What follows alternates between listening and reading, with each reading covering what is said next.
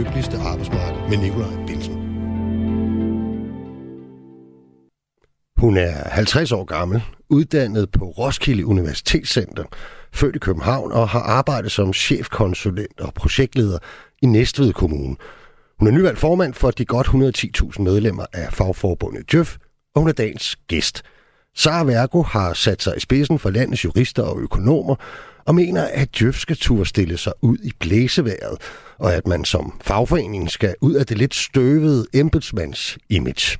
Hvad det dækker over, bliver vi forhåbentlig en smule klogere på den næste times tid, og måske også hvem der er mennesket bag det nye ansigt udadtil for en af de faggrupper, som mange føler sig kaldet til at have en holdning om. Forhåbentlig får vi også talt om udviklingen på netop denne del af arbejdsmarkedet. Hvad er udfordringerne, og hvordan ser visionerne ud? Jeg bevæger mig jo selv til dagligt i et lidt andet hjørne. Jeg arbejder som 3F'er, men også som fællestillidsmand, hvorfor jeg har en hel del at gøre med de såkaldte djøffere. Både dem, som er på den ene og den anden side af det forhandlingsbord, som jeg fra tid til anden sidder ved. De næste 55 minutter, der står jeg dog op i Radio 4's Københavnerstudie som jeres vært. Velkommen til programmet.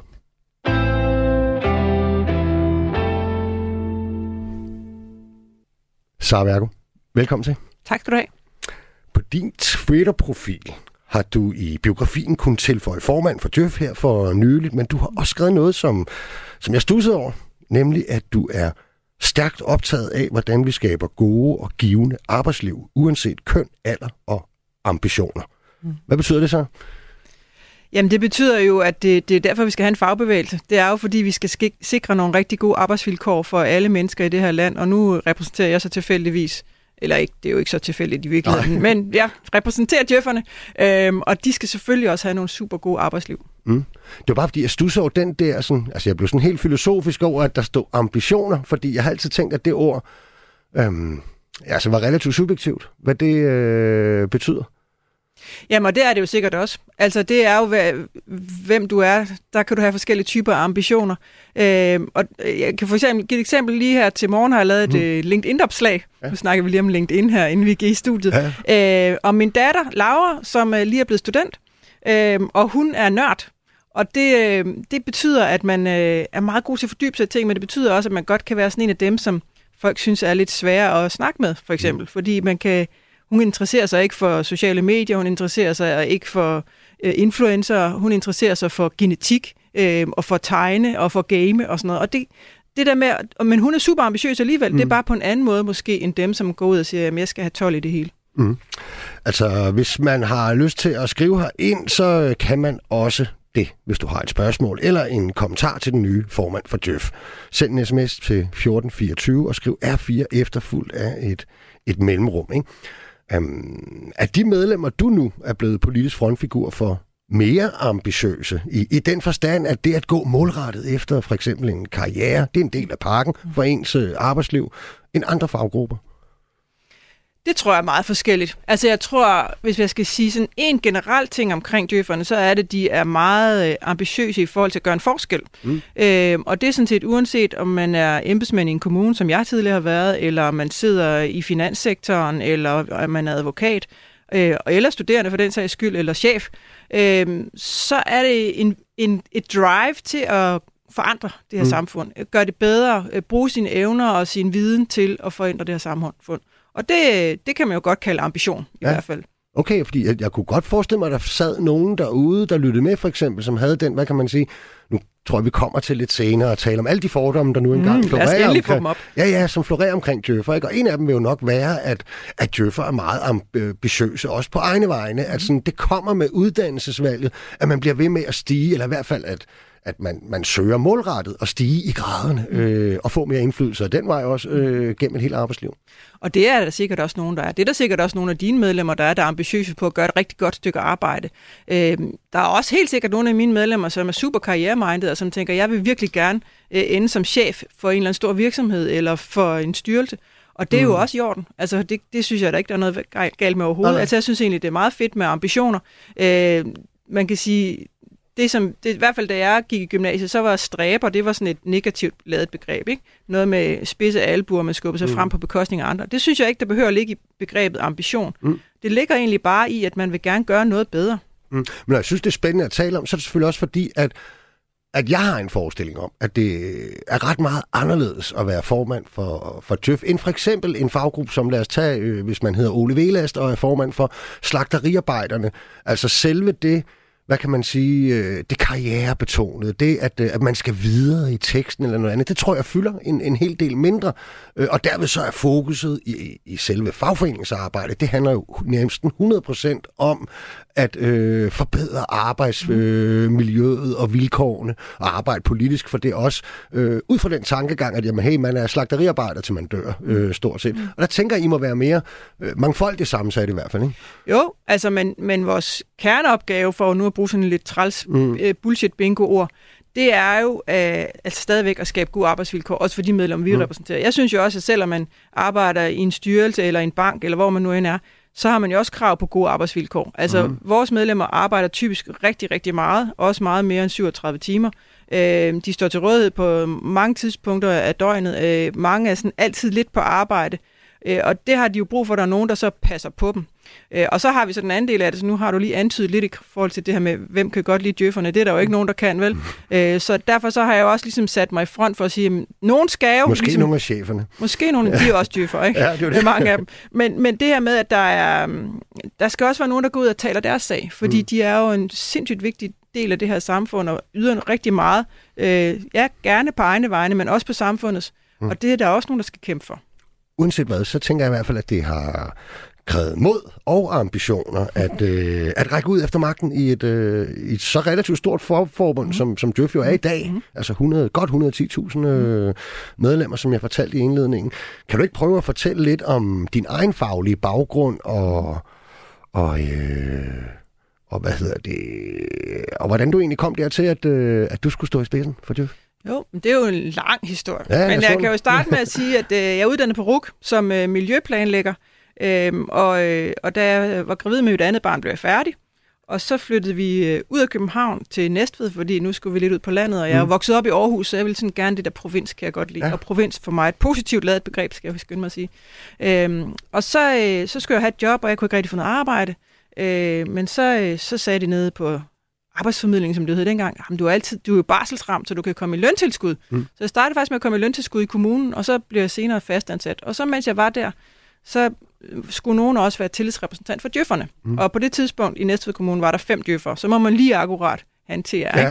Ja. Øhm, og så, så kom kommunalreformen, og så blev vi jo lige pludselig mange flere, og så fandt jeg ud af, synes faktisk, det var ret sjovt at arbejde med også det, den, den politiske del af at være tillidsrepræsentant. Hvordan former man en ny kommune? Hvad er det for en personalpolitik, mm. vi skal have? Hvordan sikrer vi, at uh, vi får alle de Havde nye medarbejdere? Havde du den på forhånd, eller, eller kom den, da du først var inde i arbejdet? Den altså kom tillids... efterhånden, okay. som jeg oplevede. Det var sjovt. Jeg synes, mm. det, var, det var sjovt at opleve, at det, at man øh, var aktiv, at man havde en holdning, at man bød sig til, så fik man faktisk stor indflydelse. Mm. Øh, selvfølgelig også, fordi det var en proces, hvor der var rigtig meget i spil. Så det var, så det var, det var, der var en god adgang til at få lov at få mm. indflydelse der. Øhm, og så da jeg havde været tillidsrepræsentant der i nogle år og arbejdet med det, så kom jeg ind i Djøf, Djøf Offentligs bestyrelse. Mm. Øhm, og der sad jeg så nogle år, og så skulle der vælges en ny formand. Vi har sådan en seks års pamperregel, som vi kalder det i Djøf, så man kan maks sidde seks år som formand. Mm. Og så da den var ved at udløbe for min forgænger, så tænkte jeg, okay, jeg rækker hånden op her, øh, og blev så formand for Djøf Offentlig, som jeg har været i seks år. Og nu rakte jeg så hånden op, da, vi skulle, da der var mulighed for at træde ind i den næste, det næste led, mm. altså som Jeffs formand. Du fortalte mig noget interessant uh, lige her, inden vi gik på, som jeg faktisk ikke vidste, og som jeg tror, der er en del, uh, som ikke er Jeffer, uh, der ikke ved, det er, at, uh, at det jo ikke er sådan en klassisk uh, stilling som, uh, som fagboss, om man så må sige, som vi kender dem fra HK's formand mm. og uh, Danmarks Lærerforeningsformand og 3F's formand og sådan noget. Uh, det er det ikke. Nej, altså i Djøf har vi en frikøbt politiker, og det er formand for Djøf Offentlig. Mm. Og det er fordi, at det er der, man forhandler overenskomster, og derfor sidder med en masse forberedende arbejde. Øh, Djøfs formand er sådan per definition et fritidsjob, øh, så jeg er gået ned i honorar, ja. øh, selvom jeg egentlig er det, gået det, op det i status. Sige, det er meget, meget få fagbosser, der også har prøvet det, når de er øh, valgt som Men, men jeg synes ikke gået ned i arbejde, så der er et eller andet, der ikke helt balancerer lige nu. Ja. Det må jeg også finde ud af, om jeg skal ned i arbejde, eller op i løn, eller hvad jeg skal. Men i hvert fald er der et eller andet, der ikke helt fungerer lige nu. Men, men øh, jeg har faktisk tænkt mig, at jeg skal tilbage og have fingeren lidt ned i, i mulden igen, så jeg skal tilbage og arbejde lidt i Næstved Kommune, hvor jeg kommer fra. Okay. Kun 10 timer om ugen, fordi det var, Ja, ja. hvad jeg kunne overskue. Men, Ja, ja. Øh, men dog øh, ud at være lidt øh, ude i virkeligheden. Men det er en også. interessant konstruktion, ikke? Og, og, og kommer den i virkeligheden af netop det der, kommer den af, at øh, man havde så gode stillinger, øh, hvis man nu kunne komme i betragtning til at blive formand for Djøf, for den vil man ikke rigtig slippe, eller fordi man skal have fingeren på pulsen, eller hvad har været Altså, baggrunden? jeg, det, nu har jeg jo ikke været med i alle de år, så jeg kan ikke redegøre fuldstændig for det, men, men jeg tror, at traditionen har været, at det har været en offentlig chef. Det har rigtig ofte været en offentlig chef, Mm. der har været øh, formand for Djøf. Og jeg tror ikke, man har lyst til at træde ud af den rolle i seks år. Øh, Så tror jeg ikke, det er specielt nemt at komme tilbage og så blive offentlig chef igen. Så derfor har man sagt, at så må man kunne gøre det ved siden af sit Mm. fuldtidschefarbejde. Mm. Mm. Øh, og nu er der så sket det igennem årene, at Djøf er gået fra at være sådan en udbredt embedsmandsorganisation til, vi har faktisk lige så mange privatansatte medlemmer, som mm. vi har offentlige medlemmer. Og derfor har vi også haft en Hvad formand- laver de egentlig? For eksempel, prøv lige bare lige så... men de arbejder måske i interesseorganisationer, mm. øh, i NGO'er, de arbejder i finanssektoren, de arbejder i store produktionsvirksomheder, de er advokater, øh, de er chefer øh, i den private sektor. Så mm. det er sådan en meget, meget bredt spektrum af Okay. alt det, der ikke er offentligt. Der Ja. er djøffere med. Øh, der er ikke helt så mange ude i de små og mellemstore virksomheder, Ja. men i de større virksomheder Mm. og organisationer, Mm. mm. rådgivningsvirksomheder, alt den slags. Men altså, er det, er det så også fordi, og det synes jeg er interessant, fordi Djøf er jo, øh, altså det er jo det er både et uddannelseslag og, en, og et fagforbund, der vokser, om man så må sige. Altså der er flere, end der var for, for, for mange år tilbage. Mm. Øhm, og hvis vi skulle tage de der... Øh, altså grunden til, at Claus Jensen ikke ville kunne øh, være smed i, eller på den øh, kaffeautomatfabrik, han i tidernes morgen startede på, øh, fem timer om ugen, det er jo fordi, at med hans job, der fører for eksempel, at han sidder i jeg tror, det var 52 bestyrelser. Ham har jeg også haft herinde at stå og snakke sådan en one-to-one med. Altså, og det var ikke sådan nogle små bestyrelser, hvor man øh, kunne... Altså, det var altså Arbejdernes Landsbank, der er de store pensionsselskaber, et par store private virksomheder osv. Og er der ikke samme tradition for det for, for Tjøbsformand, for eksempel? Ikke helt så mange. Nej. Altså, jeg sidder jo i A-kassens bestyrelse, jeg har tidligere siddet i pensionskassens bestyrelse, jeg sidder i vores øh, forlagsfonds bestyrelse, så der, Mm. jeg har... Og Så det er meget sidder, internt i virkeligheden. ja, og så sidder jeg jo i AC, som er vores paraplyorganisation, eller hovedorganisation, der sidder jeg også i bestyrelsen der. Øhm, så, så har jeg tidligere siddet i øh, regional arbejdsmarkedsråd, mm. og sådan, så, men det var da jeg var Djøf offentlig formand. Mm. Mm. Så vi har sådan fordelt, mange posterne ligger egentlig på Djøf offentlig formand, fordi vedkommende er frikøbt. var helt frikøbt. Ja. Okay, noget af det første, vi hørte til dig, det var det, jeg nævnte i indledningen, som kom via en pressemeddelelse. Du kunne godt tænke dig, at I som fagforening kommer ud af det lidt støvede embedsmands-image, som Djøf stadig har. Hvad vil det sige, og hvorfor tænker du, at man i det hele taget har, har fået det image? Jamen, jeg tror, imaget er bunder i sådan det, som jeg lige sagde før, at vi har været traditionelt været embedsmændenes Mm. fagforening.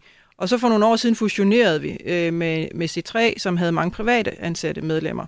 Øh, og nu er vi jo så alle samfundsvidenskabelige økonomers øh, fagforening. Øh, og der er altså rigtig stor vækst i antallet af djøffer i den private sektor. Mm. Mm. Øh, og over halvdelen af vores studerende, de går faktisk ud i den private sektor. Så det, at man engang troede, at djøffer, det var alle sammen sådan nogle byråkrater, der sad og skubbede rundt på papir øh, inde på rådhuset eller inde i en styrelse, det er ikke, det er ikke det fulde billede længere. Altså, i øvrigt sidder de ikke og skubber Hvad noget som helst papir. hvis du kan dem? Det er cirka halv hver. Okay. Ja.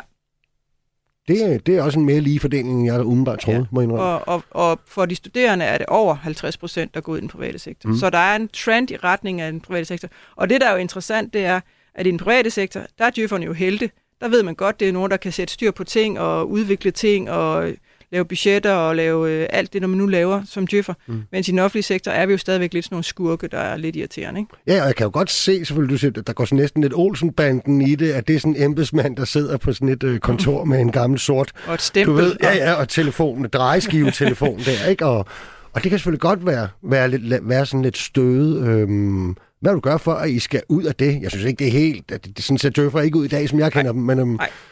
Øh, der, der er ikke ret meget støv på djøfferne, for de løber faktisk virkelig stærkt. Men der er, der er noget omkring øh, hele vores image, som vi skal arbejde med. Mm. Øh, og det, noget af det, vi kan gøre, er jo at være mere tydelige, synes jeg. Altså, vi kan godt være lidt mere firkantede, når vi er ude at sige ting, når vi siger noget fra. Altså, vi har en tendens til at være meget pragmatiske, fordi det, er jo også, det ligger i vores DNA, at vi er sådan nogle, der finder løsninger og er pragmatiske. Men øh, vi skal faktisk også gerne nogle gange være lidt, tur være lidt kantet. Mm. Stille os ud i blæsevejret, som jeg siger, og sige, hey, der er altså et eller andet her, som ja, er det helt læste, jeg galt. der, det læste jeg der udtale i jeres eget fagblad, ikke? Øhm, jeg tror, du siger helt konkret, vi vil være med til at give Djøf mere kant. Mm. Du mener, I har været meget øh, pæne meget mm-hmm. længe, mm-hmm. og I skal ture være mere skarpe i jeres formuleringer og handlinger. Altså, kan du ikke prøve at sætte sådan et par ord og billeder, måske endda et konkret eksempel, øh, på, hvor I har været for pæne? Uh, men der er jo mange sager. Altså, jeg synes, jeg synes mere, det er sådan noget, når der er en kritik af embedsværket, for eksempel, så synes mm. jeg jo tit, vi glider sådan lidt af. Øh, og, og det, øh, det er jo altid, fordi vi skal passe på med ikke, som vi siger, vi skal ikke, vi skal ikke udlevere vores medlemmer. Det er der jo ingen, der har lyst til som interesseorganisation at udlevere deres medlemmer. Men på den anden side skal vi også imellem erkende, okay, her, der kan vi godt se, at der er et eller andet, mm. der ikke er gået rigtig godt. Øh, det, det skal vi ture, og jeg kan ikke komme med et helt konkret nej, nej. eksempel lige nu. Men, Så prøv det modsatte. Hvad, hvad hvis, hvordan ville det se ud, hvis I for eksempel havde mere kant og var mere skarpe i jeres formuleringer? Jamen et af de steder, hvor jeg, hvor jeg har oplevet, at vi kan være utrolig kantet, uden jeg egentlig selv synes, det er så kantet, det er på ligestillingsområdet. Hvis vi mm. går ud og mener noget om øremærket barsel for eksempel, eller kvoter, for det går vi sådan set også ind for, øh, så er der virkelig mange, der reagerer meget skarpt på det. Og hvad, hvorfor skal Djøf overhovedet blande sig i, hvordan vi indretter vores liv derhjemme? Hvorfor skal Djøf mene noget om, hvordan vi fordeler barslen? Og det skal Djøf mene noget om, fordi vi har en kultur i Danmark, hvor der er, mm, altså kvinderne tager langt, langt størstedelen af barslen, Øh, de sakker bagud på ledelsesgangene, selvom der sådan set er, efterhånden er flere veluddannede end kvinder end mænd. Øh, og der er altså øremærket barsel et af grebene til at få ændret på den struktur, eller den kultur, mm. med noget struktur. Så det, det taler vi meget for. Vi, vi bliver nødt til at ikke fordi, vi elsker kvoter eller regler, men vi synes faktisk, at vi er nødt til at gøre et eller andet radikalt for at få ændret på de her ting. Og det er der mange, der slår sig på mm. og bliver sure over. Tror du, der er en, har jeres medlemskare også forandret sig lidt, således at der derude er en større forventning om, at I faktisk også øh, er lidt mere skarpe øh, og kantet i formuleringerne? Muligvis. Øh, altså, der er også helt sikkert nogle af vores medlemmer, som trives bedst øh, hvor, ja. øh, i det usete, og det ligger jo, og det er jo meget embedsmandsagtigt. Der har man egentlig ikke lyst til at stå ude i noget spotlight, mm. for det er slet ikke den opgave, man har. Man står bag ved politikerne og hjælper dem med at realisere det, de nu gerne vil, men man har egentlig ikke selv spor lyst til at stå ude i spotlightet. Mm. Øh, men efterhånden, selvfølgelig det, som vi får flere og flere privatansatte medlemmer, men jeg tror også, der er noget generation i det, altså hvor de yngre medlemmer vil faktisk gerne have en organisation, der fylder lidt mere. Altså, og det er jo hele fagbevægelsens udfordring i øjeblikket, det er, at øh, de unge har lidt svært ved at se helt relevansen af fagbevægelsen, ikke? fordi mm. vi er flasket op med, at alting kører egentlig meget godt. Vi har jo egentlig forholdsvis gode arbejdsvilkår i Danmark, hvis vi sådan sammenligner os med alle mulige andre. Øh, så hvorfor er det lige, man skal være medlem af en fagbevægelse? Lugter det ikke lidt af røde faner og sådan noget? Det er altså ikke alle, der lige identificerer sig med det. slet ikke, hvis man er uddannet på CBS og har et eller andet øh, karrierejob i, i en stor virksomhed, så synes man måske ikke lige, det rimer på ens egen øh, identitet. Mm. Så der, der, skal vi, der skal vi til at arbejde lidt med, hvordan kan vi være relevante for de unge. Øh, og noget af det tror jeg er, at vi er mere tydelige. Okay. Hvis du beholder formandsbrillerne på, hvordan ser udviklingen så på, på, på jeres særlige del af, af arbejdsmarkedet? Hvordan ser den ud over, hvis du går nogle år tilbage og så op til nu? Hvad er det nye, og er der noget, der gør dig bekymret? Jamen, så jeg tror sådan generelt set, og det antydede jeg også lidt før, ikke? Altså, vores medlemmer arbejder virkelig, virkelig meget. Og det har de gjort længe. Øh, halvdelen af dem siger, at de har stresssymptomer inden for de sidste 14 dage, hvilket mm. jeg også synes er vanvittigt bekymrende. Ja. Øh, det er ikke blevet mindre.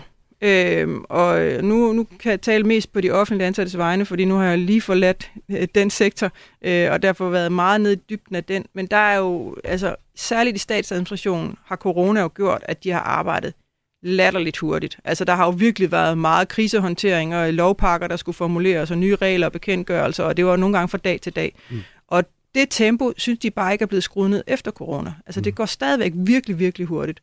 Og der er altså nogen, der begynder at tale om, at øh, det bliver ny normal nu, at vi skal arbejde så meget og så hurtigt og så hele tiden.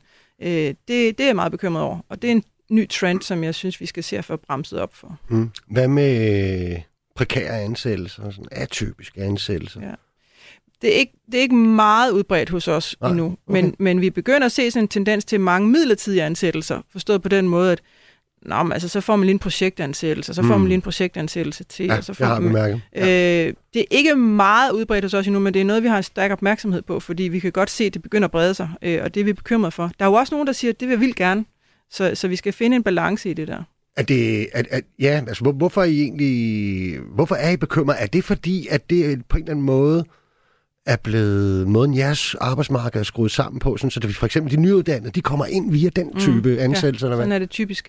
Ja. Øhm, men det er jo også det, det er svært at gå ud og købe et hus, hvis du har en midlertidig job. Mm. Øh, det er svært at, øh, at, at langtidsplanlægge dit liv i det hele taget, hvis du sådan hele tiden er lidt i, i alarmberedskab på, hvordan skaffer jeg nu mad på, på bordet, og hvad, hvad, hvad, hvad skal mit næste job være.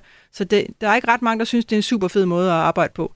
Øh, der er nogle få, der synes, at det er fantastisk, at jeg kan flyve rundt selv mellem jobs og vælge det, og selv sammenstykke mit arbejdsliv, men langt, langt de fleste er så konservative, de faktisk bare gerne have et helt mm. almindeligt fuldtidsjob. Okay.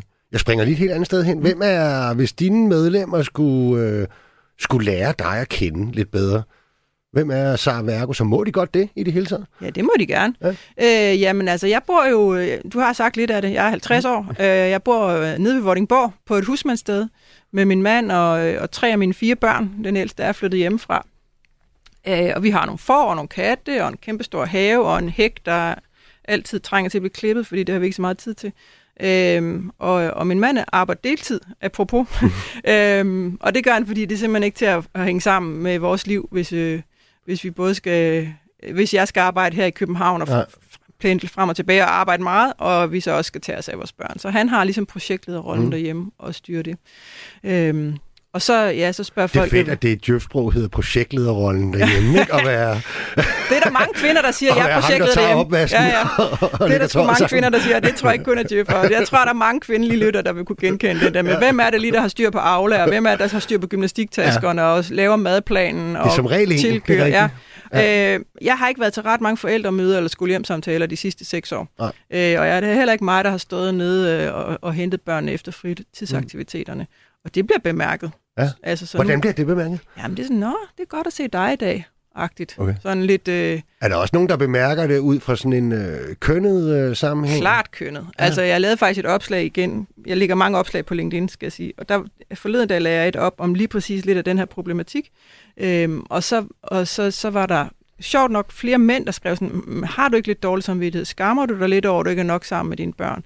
Øh, er det ikke bedst for børn at være sammen med mor? Og sådan noget. Okay. Og jeg var sådan, slap nu af. Ja. Altså, jeg har jo taget... Jeg, jo, jeg savner sgu da mine unger, når jeg ikke er så meget sammen med dem, men det er jo et bevidst valg, jeg har taget. Mm. Er det noget egentlig, I også hører? Jeg, jeg tænker, at der også er sket en udvikling i jeres øh, medlemskar, altså på, på køn, helt... Øh, altså, hvis vi mm. tager over de sidste 25-30 år, ja, ikke, øh, så må der være flere kvinder, end, end der var før. Ikke? Ja.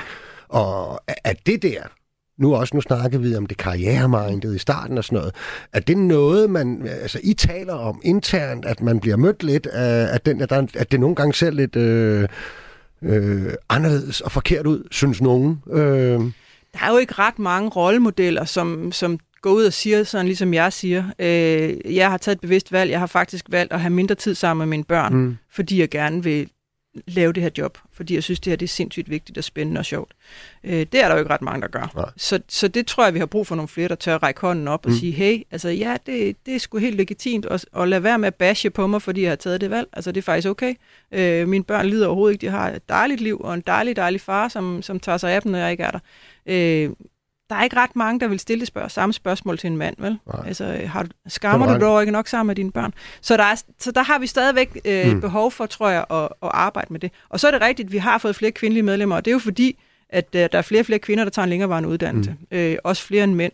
Øh, og i hvert fald inden for vores fag, der, der, der bliver flere og flere kvinder. Er, er der så også noget, måske hvis man tager den ned til dine medlemmer ude i både de private virksomheder og offentlige institutioner, øhm, hvor vi stadigvæk ikke helt har forstået, at, øh, eller indrettet os, således at det er nemt for kvinder, altså som for eksempel ikke har fået børn endnu, eller er gravide, og øh, måske gerne vil have flere børn, og alle de der ting, at, øh, at få det til at passe ind i, i, i samtidig at holde et, et, et blik rettet mod en karriere?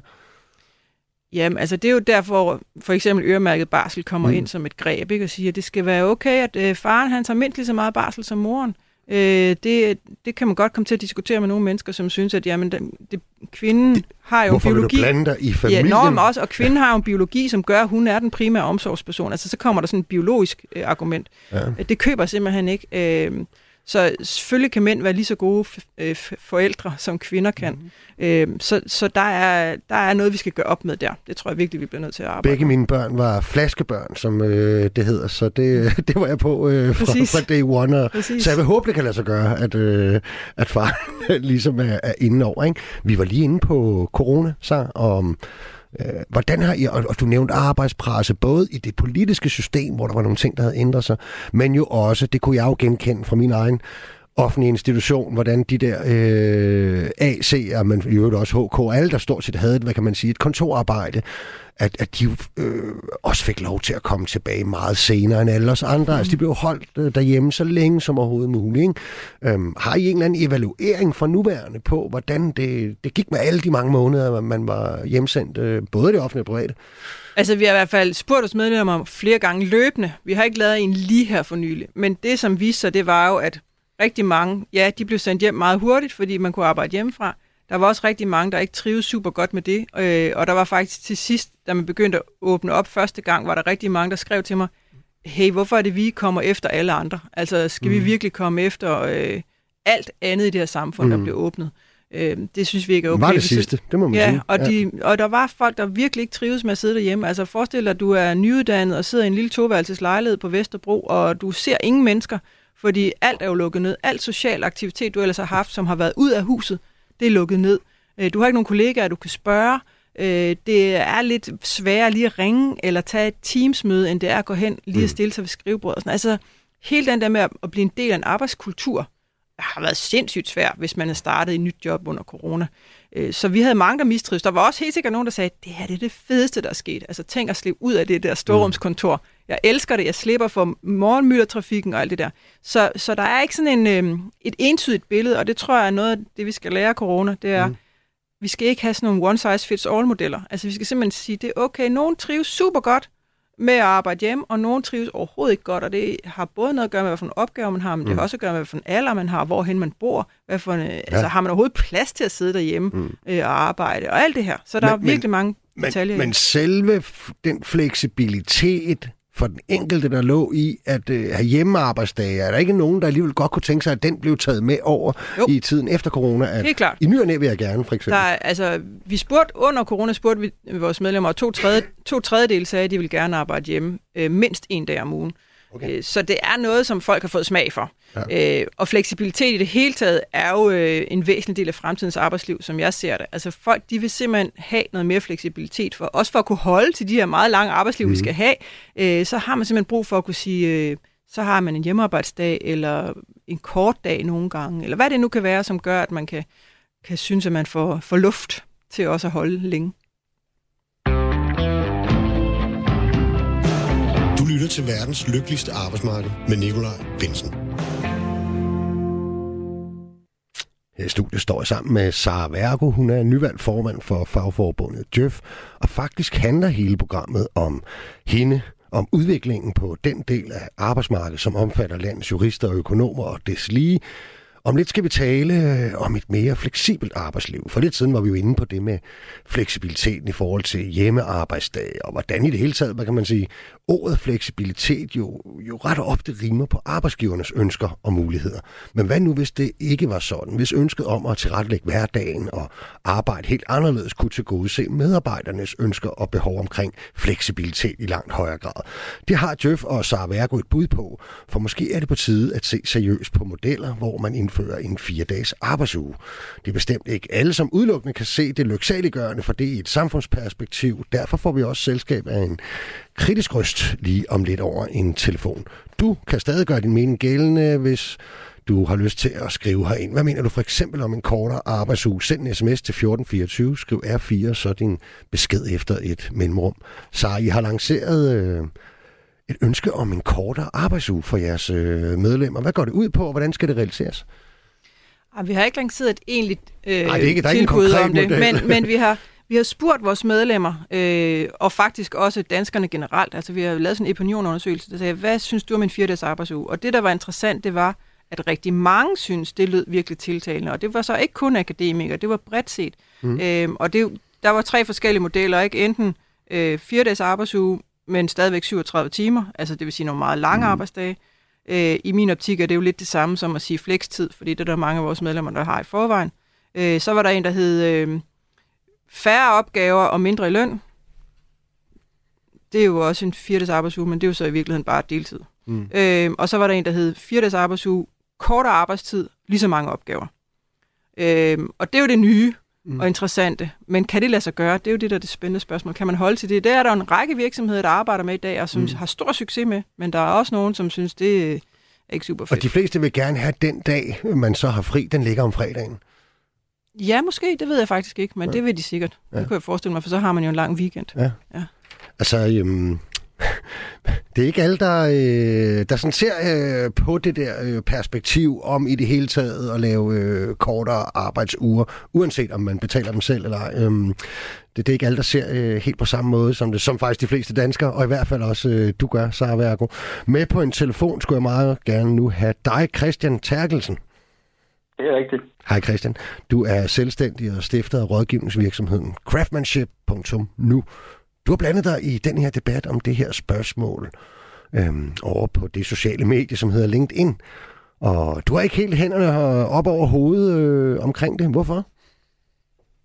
Ja, jeg, jeg har nok ikke hænderne overhovedet. Øh, man kan sige sådan lige til rammesætning, så er det måske ikke nødvendigvis en, en kritisk røst, som du præsenterer mig for. Jeg tror egentlig, Sara og jeg, vi har egentlig samme mission i vores arbejdsliv. Altså, at vi får skabt nogle arbejdspladser, der, der er, er, bæredygtige og mere gunstige for både ledere og medarbejdere. Altså det, jeg reageret på, og det var egentlig primært i forhold til, nu nævner Sara, de her tre modeller, man kan vælge men Man kan se, at de fleste af dem, der har svaret, peger jo egentlig på den model, hvor man jo koger fem øh, arbejdsdage ned til fire mm. og arbejder stadigvæk 37 timer. Og der er det bare, jeg siger, at, øh, at jeg efterlyser i den debat en, en lidt større sådan konsekvenslogik om, hvad er det egentlig, der sker, hvis, hvis flere af den voksne arbejdsduelige, altså dygtige, de, mm. de arbejder øh, lange dage, hvad er det så egentlig, der sker sådan i sammenhængskraften til alt det andet, der sker.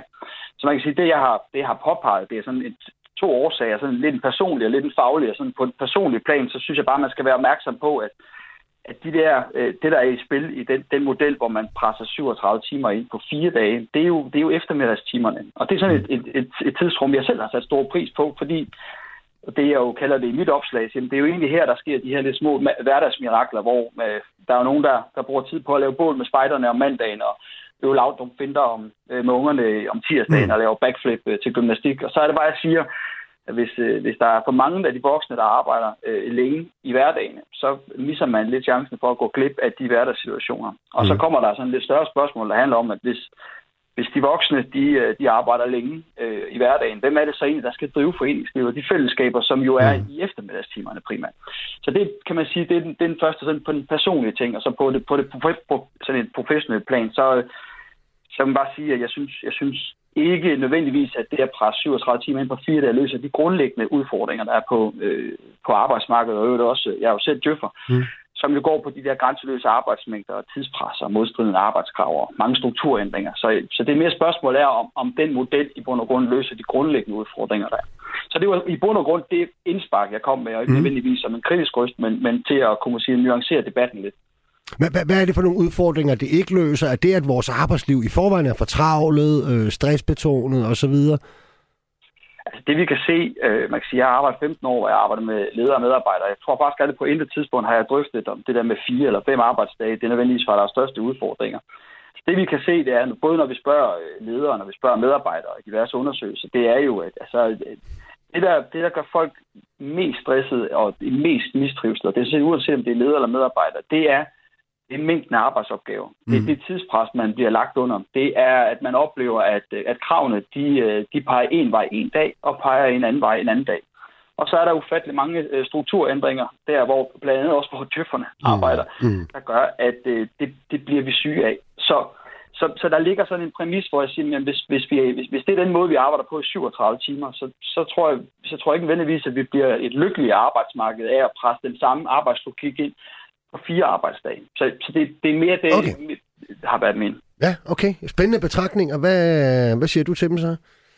Jamen, jeg er jo meget enig i, øh, i de der nuanceringer, altså ønsket om at sige, hvad er det egentlig, det har konsekvenser, det her. Mm. Øh, og det ved ikke, vi er jo ikke ret meget om, så det er jo noget af det, jeg synes, ja. vi skal begynde at interessere os lidt mere for. Hvad betyder det egentlig, hvis folk har de her meget lange arbejdsdage? Hvad betyder det for deres sociale liv? Hvad betyder det for deres børn? Hvad betyder det for deres fritidsliv? Hvad betyder det for deres øh, overskud i det hele taget. Mm. Øhm, og, og det sted, jeg kender bedst, det er jo Odsherred Kommune, mm. fordi det er jo igen en offentlig arbejdsplads, som jeg interesserer mig mest for. de har jo lavet det her, mm. øhm, og de har så stor succes med det, og ja, der er nogen, der siger, jeg kan simpelthen ikke, jeg er egentlig mor, jeg kan simpelthen ikke få det til at passe med, at jeg skal arbejde til klokken 19 eller 18, mm. når jeg skal kunne hente mine unger, og så får de en anden øh, måde at gøre det på. Ikke?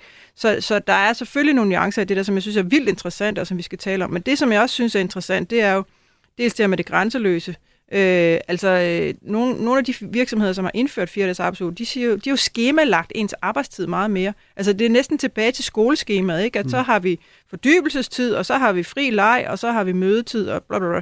Øh, og måske kunne der godt være noget musik i det. Altså, mm. måske har vi faktisk brug for lidt flere strukturer omkring vores meget grænseløse arbejdsliv, som den ene ting.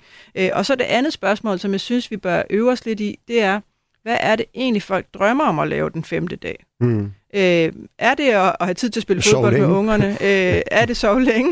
Øh, hvad er det egentlig? Øh, ja. Fordi måske kunne vi indarbejde det i arbejdslivet sådan mere bredt set, mm. så det ikke er nødvendigt at presse timerne sammen på fire dage, men at man må kunne sige, jamen, hvad er det egentlig, vi har brug for? Hvad er det, vi sukker efter? Hvad er det, vi længes efter? Hvad er det, vi siger, når vi er gerne ud af hamsterhjulet? Mm. Hvad er det så egentlig, vi, vi gerne vil have noget andet af? Vi lavede faktisk for lang tid siden et, øh, et program øh, om fire dages arbejdsuge i øvrigt med HR-chefen i, eller kommunaldirektøren var det i Odshavet mm. Kommune, men også med et par private øh, virksomheder, skal siges, de var altså alle sammen primært inden for, for, for IT-branchen, øh, mm. hvor man jo også havde indført og lavet eksperimenter med det her med relativt stor succes. Jeg har også fået en sms ind. Hej Radio 4, jeg har for nylig lavet en aftale på min med min arbejdsgiver, som går ud på, at jeg har en selvbetalt fridag hver fredag. Det gør, at min arbejdsuge er 32 timer. På trods af det, så er jeg mere effektiv, så jeg når mere på arbejdet, og samtidig synes jeg, at jeg har et langt bedre privatliv.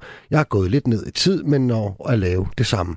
Nu her om et par måneder skal jeg til forhandling med min arbejdsgiver for at se, om vi skal tilpasse løn, så jeg vil komme til at få det samme, som hvis jeg havde 37 timer med min nuværende løn. Men i hilsen Bjarke fra, fra Ulfborg, altså der, og, og, og som jeg nævnte, øh, Christian øh, Talsen, altså så, så, så, så var de altså også ret glade i det der private øh, IT-firmaer, øh, jeg talte med Øh, for, for noget tilbage. Nu var der også en lytter her. Øhm, hvorfor tror du, at folk øh, umiddelbart er så begejstrede for ideen? Er det, fordi de overhovedet ikke tænker på, hvem der skal øh, flytte kejler på miniputholdet, eller hvad? Nej, jeg tror i udgangspunktet, og det skal jeg bare lige sige, at jeg er kæmpe øh, fortaler og meget begejstret for de øh, erfaringer, hvor især de der IT-firmaer, de formår øh, at, at kode deres arbejdsud ned på fire dage. Så, og jeg synes, det er enormt, altså enormt inspirerende at læse om IH Nordic, der jo formår at strukturere deres arbejdsmåde, deres arbejdsgang på en måde, der gør, at man jo, kan man sige, laver det samme for færre timer. Og det er jo det, der er hele humlen her, og det er, og det er også derfor, at jeg siger, at jeg, ikke, jeg har jeg ikke en kritik omkring det arbejde, fire arbejdsdage. Øh, men, men, men, men det, der er pointen her, det er, at, at dem, der er lykkes med det, og nu kender jeg ikke også i detaljer, men især IT-firmaerne, de formår jo, kan man sige, at skære nogle timer væk, der gør, at den enkelte medarbejder eller leder jo får mere tid til det, øh, der ligger ved siden af.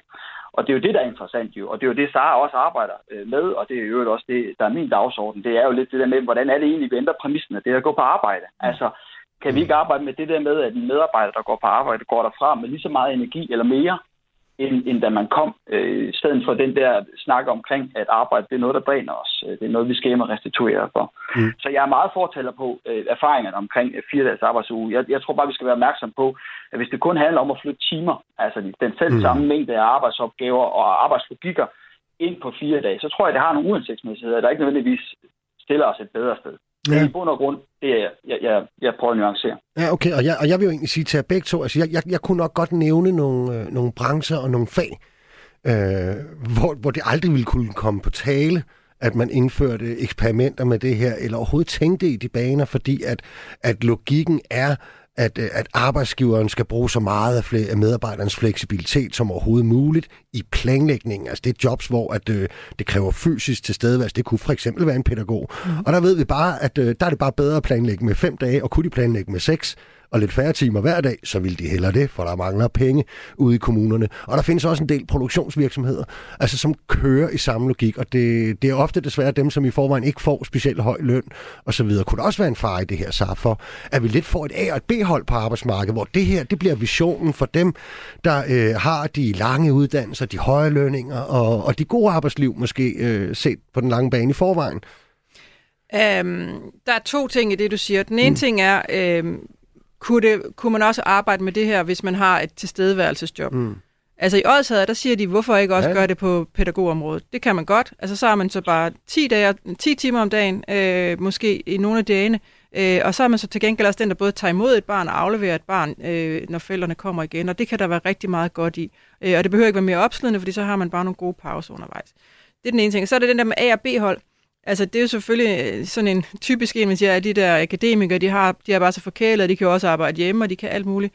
Øh, den vil jeg jo rigtig gerne væk fra, fordi mange af de medlemmer, jeg repræsenterer, de arbejder som sagt rigtig meget, og de har aldrig fri. Altså, mm. de, de går rundt med deres øh, mobiltelefon i lommen hele tiden, fordi der, der kan være en chef, der lige ringer og siger, kan du lige ordne det her, eller det her, det skal simpelthen være færdigt i morgen klokken 8, øh, eller hvad det nu kan være.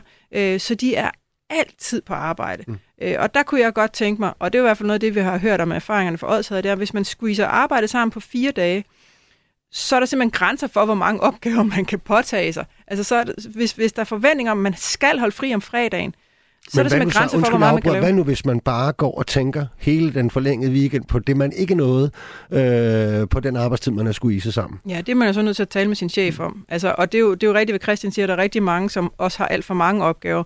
Men noget af det, vores analyser også øh, viser i forhold til stress, det er, at der er også mange, som som synes, at det, de har svært ved at, at se mening med det hele. Altså, hvorfor skal jeg bruge så meget tid på de her opgaver, som måske øh, øh lige om lidt bliver lavet om, eller hvad det nu er, organisationsforandringer og alt det der, som Christian også lige nævner. Øh, så der er mange forskellige måder at blive stresset på, ikke kun øh, arbejdsbyrdemæssigt. Mm. Altså Christian, øh, ja. kom bare ind, bare kom ind. Om det er egentlig, hvis jeg må supplere, altså jeg er fuldstændig enig, og så man kan sige, at øh, nu er det så Saras medlemmer og djøfferne, vi snakker om her, men det er jo også alle mulige andre mm. arbejdsgrupper jo. Men hvis præmissen er, at, at man er så meget på i forhold til sit arbejdsliv, så kan det være, at vi skal prøve at udfordre præmissen om, om det virkelig kan, kan, kan være rigtigt, at man mm. hele tiden skal have sin telefon i lommen. Ikke? Og så vil jeg bare lige sige sådan lidt uddybende i forhold til det der med, at det kan hurtigt blive snakket om fem og fire arbejdsdage.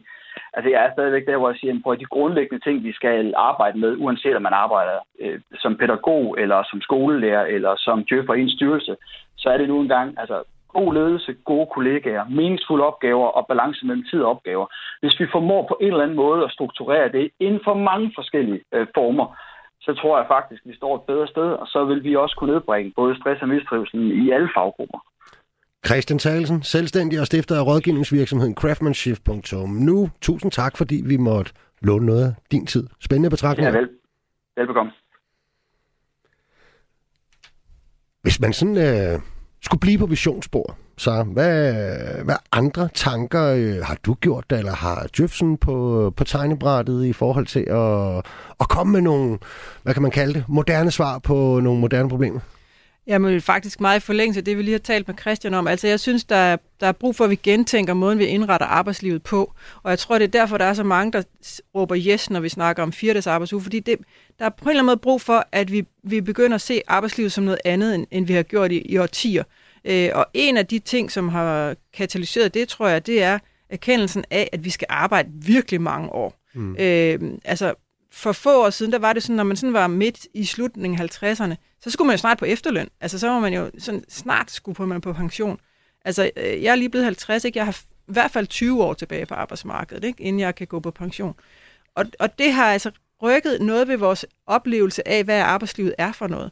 Øh, så jeg tror, der er rigtig mange, som tænker, jeg kan sgu ikke holde til det her tempo, eller mm. det her arbejdspres, eller hvad det nu er, i alle de her år. Og derfor er vi simpelthen nødt til at begynde at tale om, hvordan kan vi så gøre det? Og noget af det, som jeg synes er spændende, det er, når nogle fremtidsforskere siger, hvorfor er det egentlig, at vi pisker afsted hen mod den der store gyldne port ind til den evige pause, altså pension. Mm. Øh, den er ikke helt evig, men i hvert fald meget lang for mange af os. Øh, skulle vi ikke hellere holde nogle pauser undervejs i arbejdslivet? Mm. Øh, og når jeg taler med folk om det, så bliver de sådan helt glade. Gud jo, det kunne man da også. Nej, hvor fedt. Tænk, hvis man kunne holde overlov, med, eller hvis man gik ned i tiden, mens man havde små børn, eller tænk, hvis man kunne skifte spor, når man var 45, og tage en ny uddannelse, eller tænk, hvis man kunne rejse jorden rundt med sin familie, eller hvad det nu kan være, man drømmer om. Altså de der pauser, man kunne lægge undervejs i livet, mm. i stedet for, at nu har vi talt lidt om det der med karriere, ikke? Altså der er jo mange, der ser karriere som sådan noget opadgående og meget linært, altså hvor jeg tænker, måske kunne vi også tælle på omveje og krøller og, mm. og alle mulige afbrydelser undervejs så, det, så vi tænker på en anden måde omkring arbejdslivet. Det tror mm. jeg, vi har brug for. Øh, Anne Skar Nielsen, som er fremtidsforsker, hende er meget inspireret. Hun siger for eksempel, altså hvorfor er det, at vi, øh, vi har så travlt med at blive pensioneret? Altså for få generationer siden blev man jo ikke pensioneret der arbejdede man jo til man døde stort set. Ikke? Hende har vi faktisk også haft herinde i et program. Altså, jeg var selv for mange år øh, siden øh, med til at sidde og skulle prøve at tænke sådan lidt tanker i sådan en øh, arbejdsgruppe, vi havde, og det var så inden for 3F, øh, offentlige ansatte, øh, hvor vi faktisk kom med en idé, som jeg øh, til min overraskelse så, at øh, Helle thorning schmidt stjal efterfølgende, nemlig at man skulle have en, og den, den adresserede den der del, der handler om, at øh, om man skulle sprede netop øh, vores arbejdstid lidt mere ud, så det passede ind i de livsbaner, vi nu engang var i. Ikke? Altså, øh, Øh, og Henrik thorning Schmidt, hendes konkrete forslag var jo, at man opretter sådan en statsbank, hvor at man havde, at du skulle ligesom bare ramme 37 timer gennemsnitligt, mm. men set over et helt arbejdsliv, så kunne man være lidt mindre på arbejde, når man havde små børn og de der ting. Ikke? Og jeg har altid synes det lød fint, også selvom at øh, dem sagde, det kan overhovedet ikke lade sig gøre. Det er jo sådan lidt, alt kan jo lade sig gøre, hvis man egentlig satte sig for det. Men jeg har også kommet til en ny erkendelse de senere år, det er jo, at, at noget af det, i hvert fald hvis du bor for eksempel i de større byer, altså øhm, i, i den periode, hvor du øh, skal til at have børn, eller lige har fået dem, det er også der folk, de skal skrabe penge sammen mm. til udbetalingen, mm. til mm. en, en, en, en, en lejlighed, eller et hus, eller noget andet. Så jeg synes lidt, tankegangen er blevet devalueret, i hvert fald på den økonomiske front. Ja. Og ja, der, er, der er helt sikkert brug for, at vi også tænker økonomi med i det her. Fordi hvordan finansierer man den der pause, eller den der ned i tid, eller sådan noget? Det har jeg ikke de klare svar på, men, men der kunne være alle mulige forskellige faktorer, man tænkte ind i det. Altså mm. at man sparede op på en eller anden måde øh, via sin, sin, overenskomst, men det kunne jo også være, at man kunne låne penge i sin pension, eller noget andet. Altså vi, vi skal begynde at tænke nogle nye måder, altså fordi mm. vi har arbejdet på den her måde sådan meget fastlåst i årtier. Vi skal simpelthen prøve at turde tænke, okay, hvis vi skal mm. arbejde så meget, hvordan kan vi så egentlig gøre det? Og, og nogen vil jo også gerne arbejde længe efter pensionsalderen, hvis, mm. hvis de kunne få lov. Mm. Djøffer er centrale i konflikten mellem de varme og kolde hænder i den offentlige sektor. Nu står du og smiler sig, ikke? Hvad er holdningen til denne indlysende moralske konflikt? Med venlig hilsen, Claus. Hvad er holdningen til denne indlysende moralske konflikt, så Værgo? Jeg forstår ikke helt spørgsmålet. øh, men, men jeg tænker, jeg godt, det, du ved, hvad han taler om. Ja, jeg men... tænker, det handler om, at øh, djøfferne, det er de der kolde hænder, som tager mm. arbejde og helst også generer nogle andre. Nu taler jeg helt i karikaturen, men jeg møder den faktisk ret tit sidder nærmest og finder på arbejde bare for at drille nogle andre. Mm. Øh, og det er jo ikke virkeligheden. Altså virkeligheden er jo, at rigtig mange djøffere laver alt det, man kunne med sådan lidt øh, poppet begreb kunne kalde back office. Alt, alt det, som skal fungere bagved, for at mm. nogle andre kan yde deres bedste. Og så ved jeg godt, der er nogen, der siger, at jeg kan ikke yde mit bedste, hvis jeg hele tiden skal sidde og udfylde skemaer. Men meget af det, som, som djøfferne er sat til at lave, det er jo noget, som har et politisk ophæng. Altså enten i bestyrelsen, hvis det er en privat virksomhed, eller i øh, det offentlige, så er det jo politikerne. Ja, ja, eller ledelsen. Eller ledelsen. Ja, ja, ja, men altså nogen, der siger, vi skal det her. Mm. Øhm, og, og det er jo typisk i det offentlige, djøfferne for tæsk, så det er der, vi kan, måske kunne tage udgangspunkt. Altså, og det er jo sådan, øh, hvor, hvorfor skal man sidde og lave læreplaner? Hvorfor skal man sidde og, og måle og veje på alt muligt? Det er jo typisk, fordi der er nogle politikere, der har sagt, vi vil gerne nå det her mål. Mm. Hvordan når vi derhen? Hvordan sikrer vi os, at alle patienter får den rigtige behandling? Hvordan sikrer vi, hvis der er ensartethed i sagsbehandlingen, når, når vi tvangsfjerner børn, eller hvad det nu kan være, alle mulige store problematikker, man står med. Hvordan sikrer vi, at alle børn, der kommer i skole, kan tale et ordentligt dansk? Eller, altså, der er jo virkelig mange af sådan nogle ting, som er politisk fostret, så man så kommer nogle djøffer og finder på, mm. hvordan kan man så gøre det, og det opleves irriterende. Hold mærke til, at uh, Inger Støjberg har lige lavet et nyt parti. Ja, det har jeg godt lagt mærke til. Ja, jeg så et interview, hvor hun fik sagt, at hun nærmest ikke kunne komme i tanke om en skat, der var for lav. At øh, godt nok skulle der være en ordentlig velfærd, som fulgte med tiden, men alle kunne vist også godt blive enige om, at der visse steder i den offentlige sektor også var et ordentligt fedtlag. Og det er jo det, der er mange politikere, der mener, det er hun bestemt ikke den første, der siger. Nej, det har jeg hørt andre og, sige. Og vi har også hørt mange sige det, som umiddelbart efterfølgende så kommer til at sidde i regering og og, og så kan de godt sige det samme igen et par år efter, når de er i opposition. Ja, og, og det er jo meget sjovt. Altså hvis man, hvis man kigger ud på det kommunale landskab, hvor man jo typisk har flest af de såkaldte varme hænder, øh, og i regionen også for den sags skyld, så er der altså øh, 2% djøffere. Så, så selvom I fyrede dem alle sammen, så vil der stadigvæk ikke blive mange flere pædagoger ja. eller socioassistenter. Men det er vel rigtig nok, der har været en vis stigning i Der i har den, været en markant øh, stigning. Altså, mange, mange procent mm. med det fra. Altså jeg fortalte jo selv, at i Næstved Kommune var der fem djøffere, mm. dengang jeg startede, ikke? Øh, ud af, hvad har der været, 5.000 medarbejdere eller sådan noget. Altså, det er en meget, meget, meget, meget lille del af, af den offentlige øh, sektor derude, hvor der er djøffer. Så kan man altid diskutere, gør de det rigtige, hjælper mm. de nok? Og det synes jeg, at vi skal have en dialog om hele tiden. Ja, fordi jeg er jo selv offentlig ansat, så det, det rammer også mig på en eller anden måde, alle de her debatter, kan man sige, ikke? Og, og, og, og skulle man også nogle gange, også som fagforening, for eksempel tænke sådan, okay, øh, måske er der noget om snakken, når den offentlige sektor kritiseres for at være for byråkratisk mm. og for administrativt mm. tung, og måske lige frem ved steder indeholder opgaver, øh, som det, man lidt fluffy karakteriserer som øh, pseudoarbejde. Mm. Ikke? Altså, skulle man også gå mere offensivt ind i de, de debatter og sige, det kan da godt være, det var da bedre, at vi brugte tiden på det her, for eksempel. Vi går faktisk ind i den debat. Okay. Vi, vi siger faktisk, øh, lad os dog på at afbiokratisere der, hvor det overhovedet er muligt. Og det har Mette Frederiksen jo sat som ambition, og det har mange statsministre før hende ja, også gjort. Ja. Det er ikke rigtig lykkedes, og, og jeg tror, grunden er, at, at tit, når man så graver i det, så viser det, at der så faktisk er noget sund fornuft bag alt det der mm. byråkrati. Øh, der er så også nogle kommuner, der begynder at sige, at vi har faktisk fjernet noget af det, vi selv havde fundet på. Væk med det.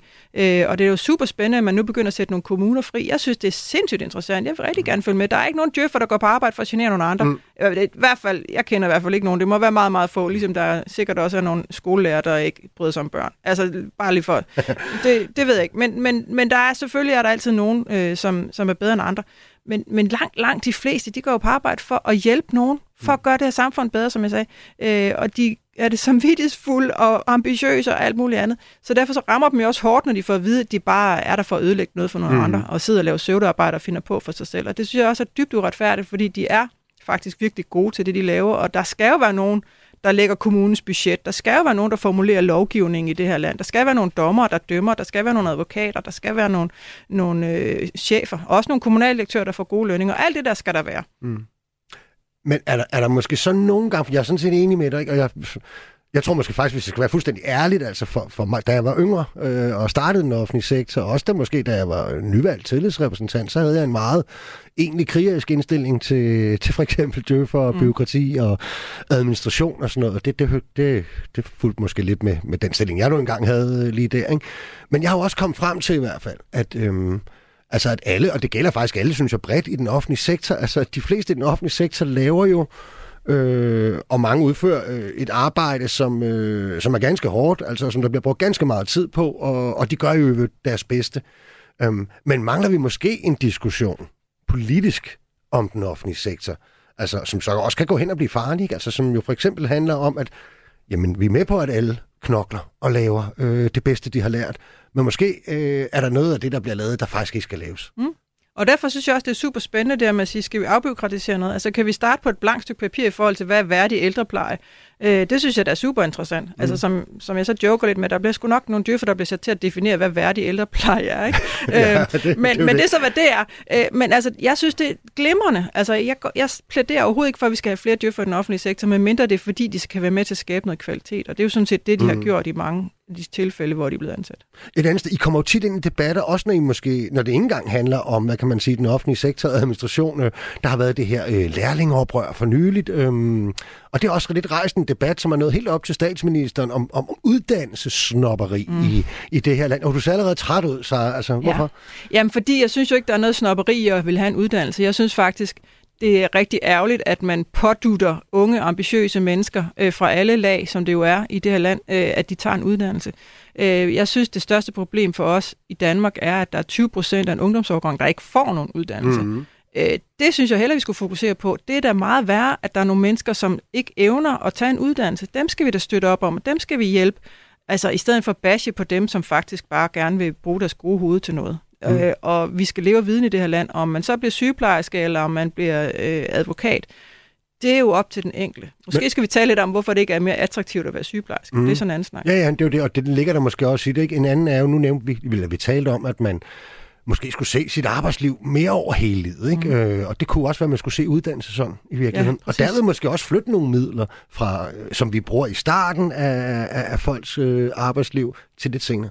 Eller så skal vi bare blive ved med at bruge penge på at uddanne folk. Det tror jeg faktisk er et bedre svar. Altså, det viser sig, at uddannelse betaler sig. Altså, en akademiker tjener jo sin løn mange, eller sin, altså sin mm. udgift i, i forhold til uddannelse hjem mange gange. Man bidrager meget mere til samfundet, end dem, som har en, en ringere løn og en, og en ringere uddannelse. Ej, ringere lyder grimt, men altså en kortere uddannelse i hvert fald. Ikke? Mm. Øhm, så, så der er helt klart noget i, øh, at vi skal uddanne folk mest muligt hele livet. Okay. Så hvis du på sådan 15-20 sekunder skulle sige, øh, hvor Djøf var henne om fem år, for at du var glad, og dine medlemmer var tilfredse, hvor er vi så?